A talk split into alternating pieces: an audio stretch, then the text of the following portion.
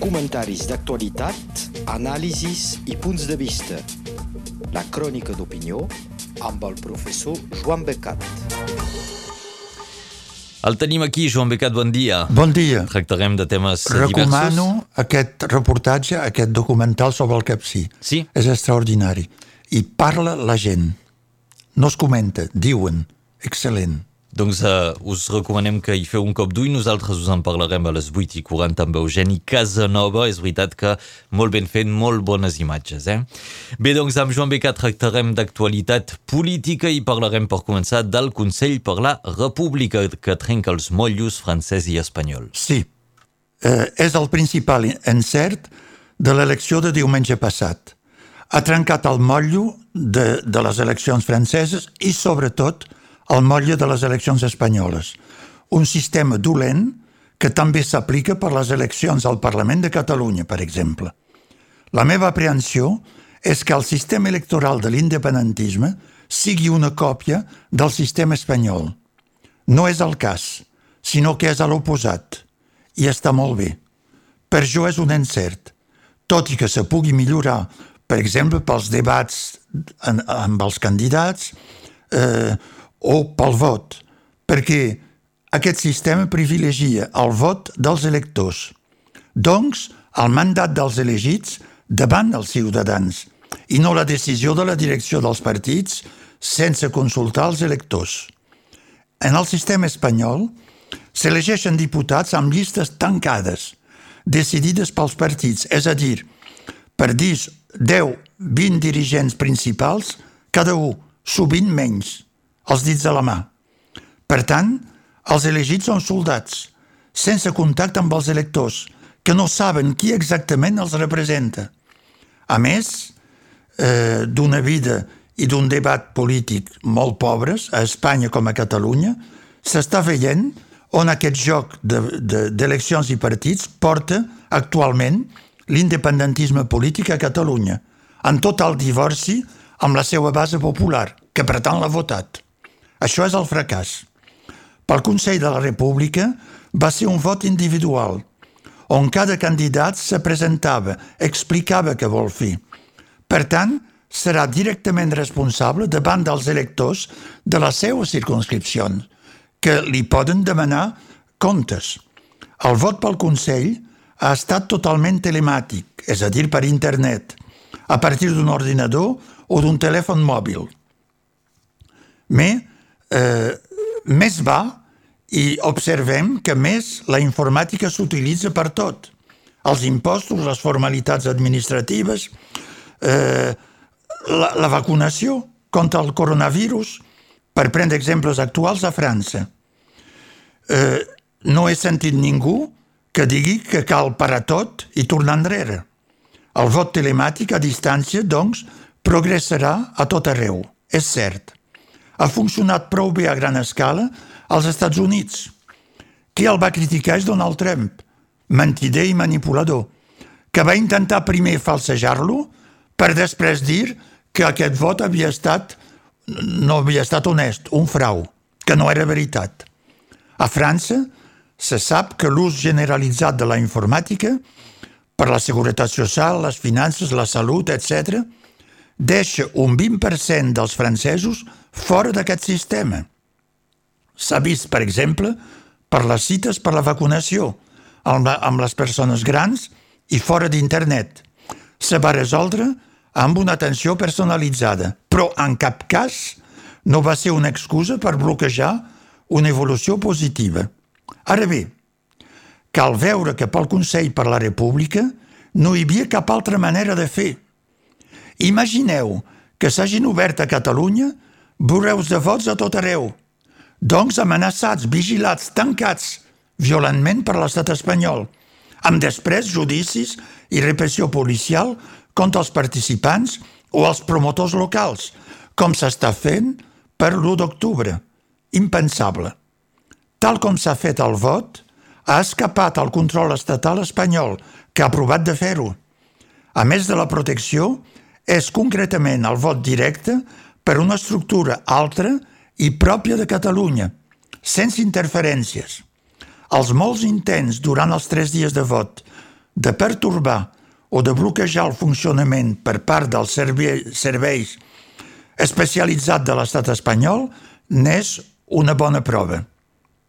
Si se volia una estructura republicana lliure de control espanyol que se pugui presentar internacionalment com a pròpia de l'independentisme català, era la millor solució, perquè protegeix la gent i el sistema d'elecció.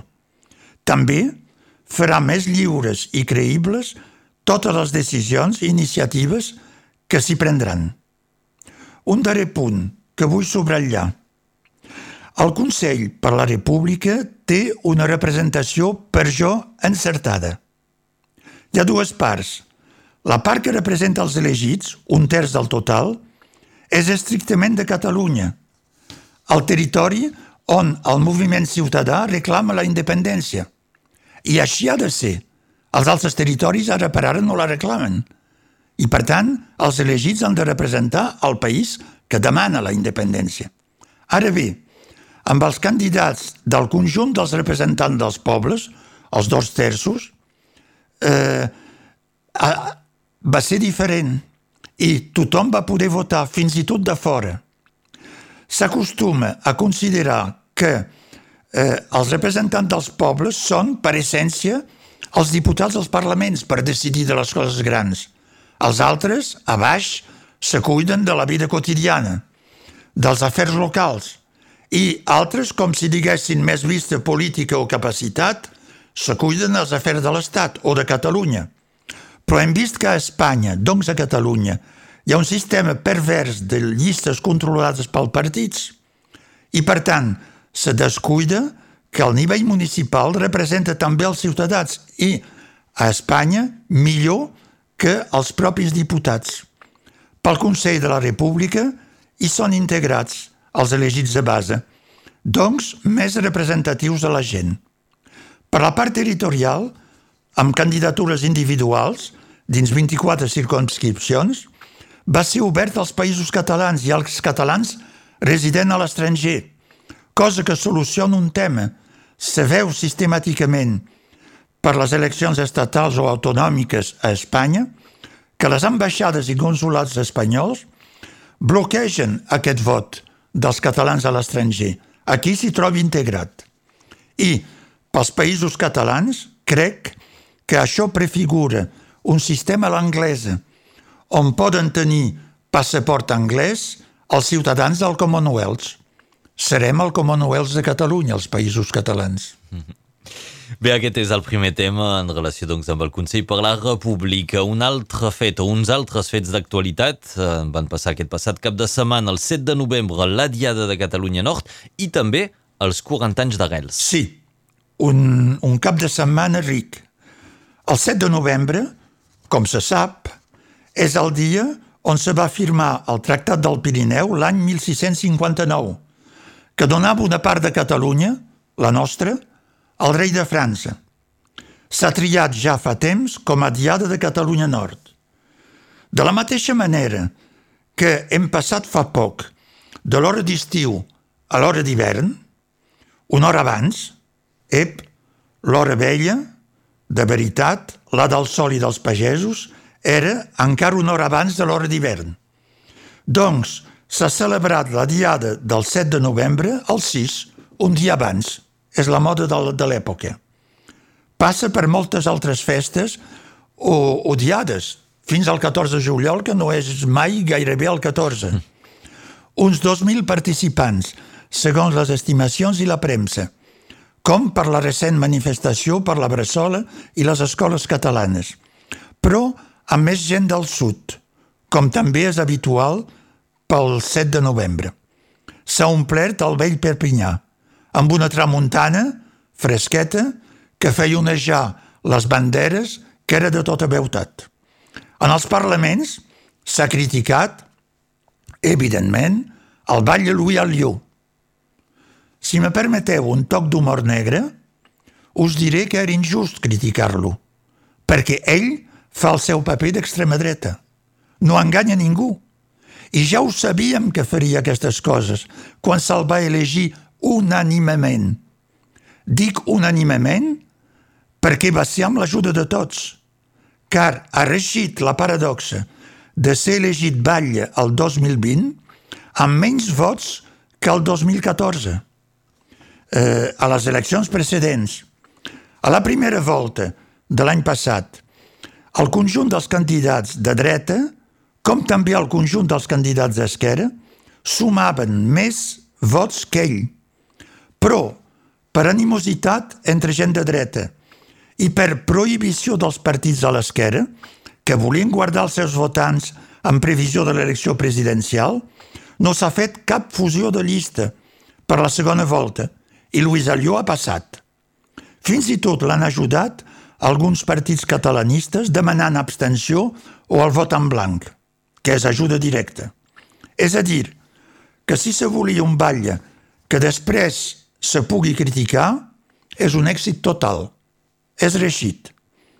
El 7 de novembre va tenir, malgrat tot, una celebració, i molt bonica, la dels 40 anys d'Arels, la ràdio, Ràdio Arels, i l'Escola Arels, que se va fer en el marc magnífic del Palau dels Reis de Mallorca, a dalt, a la sala gran, la sala dita de Mallorca, absolutament plena. Discursos, tothom nos estima, és la conclusió que n'he tret, i el moment emotiu dels nins de l'escola cantant l'estaca de Lluís Llach. A la sala de baix hi havia l'exposició treta del llibre dels 40 anys d'Arels que us aconselli d'anar a visitar. O, en tot cas, compreu el llibre. Una exposició que es troba actualment doncs, a la Casa de la Generalitat i que podeu visitar, evidentment. També ens vols parlar ara de l'11 de novembre al record d'una carnisseria inútil. Sí, eh, serà dijous i, per tant, anticipem eh, l'actualitat, que serà la commemoració de sempre. Eh? Dipó de gerba, taritarà i... Sí, pocs canvis i, i, pocs, i pocs canvis. Però és altra cosa que vull subratllar. Doncs dijous serà la celebració de l'11 de novembre, la festa nacional que a França recorda el final de la Guerra Mundial del 14-18. A Llavontes, la més gran carnisseria de soldats de tots els temps. Carnisseria absolutament inútil, car no se va saber gestionar la postguerra essencialment per culpa de França i de les seves exigències, i només 20 anys després això va portar a la Segona Guerra Mundial, que ella va provocar la més gran matança de civils de tots els temps, amb els bombardejos.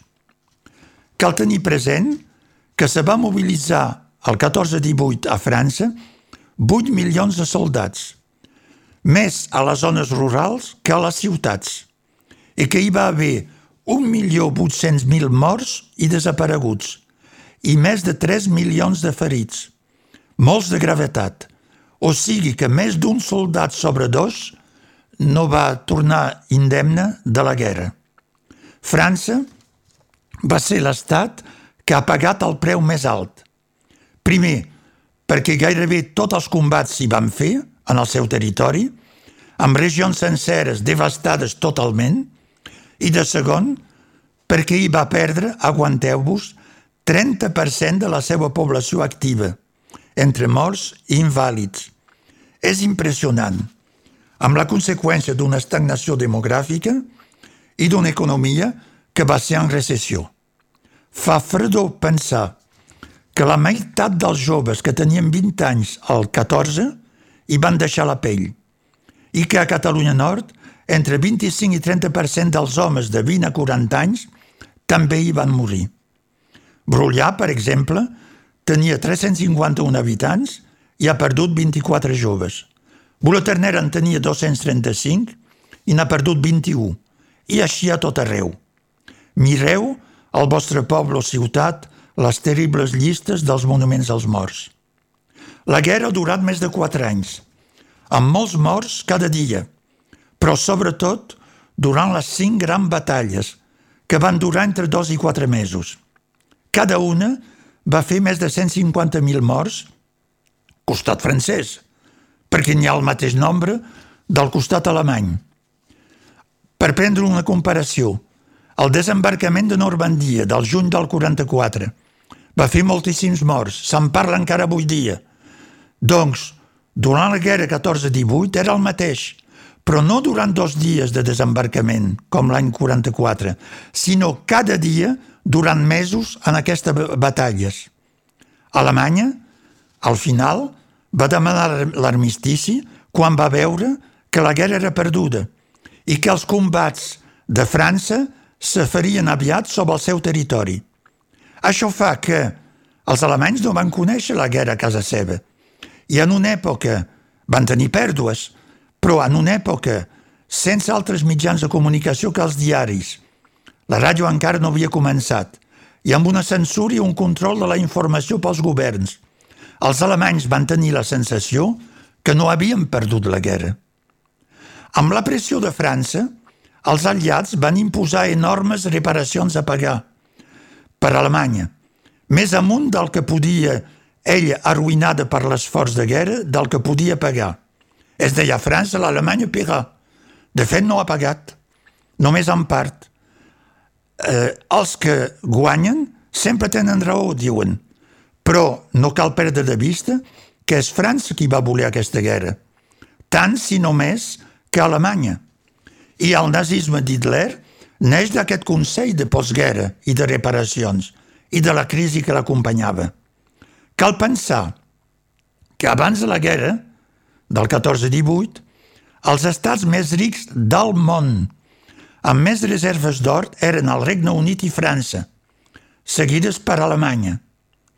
Després de guerra, tots han perdut i l'or ha passat en pagaments d'armament i aprovisionament als Estats Units, que en aquest moment s'ha fet la primera potència mundial i amb una indústria que produïa pels altres i que havia pujat. Aquests, els Estats Units, no sabran ajudar als altres després de guerra. Se tancaran i l'escalfament de l'economia, de la seva economia, degut a la guerra, els portarà a l'especulació i a la crisi econòmica entre dues guerres que coneixem tots. Els aliats, doncs, no van saber gestionar la victòria. Sí que ho van fer per la reconstrucció dels beligerants després de la Segona Guerra Mundial, amb els plans d'ajuda americans a Europa, Alemanya inclosa, i al Japó. Però és una altra història. Doncs la commemoració de l'11 de novembre és aquesta setmana, serà doncs dijous, ens ho explicava, ens en parlava Joan Becat, moltes gràcies. Bon dia a totes i a tots. Comentaris d'actualitat, anàlisis i punts de vista. La crònica d'opinió amb el professor Joan Becat.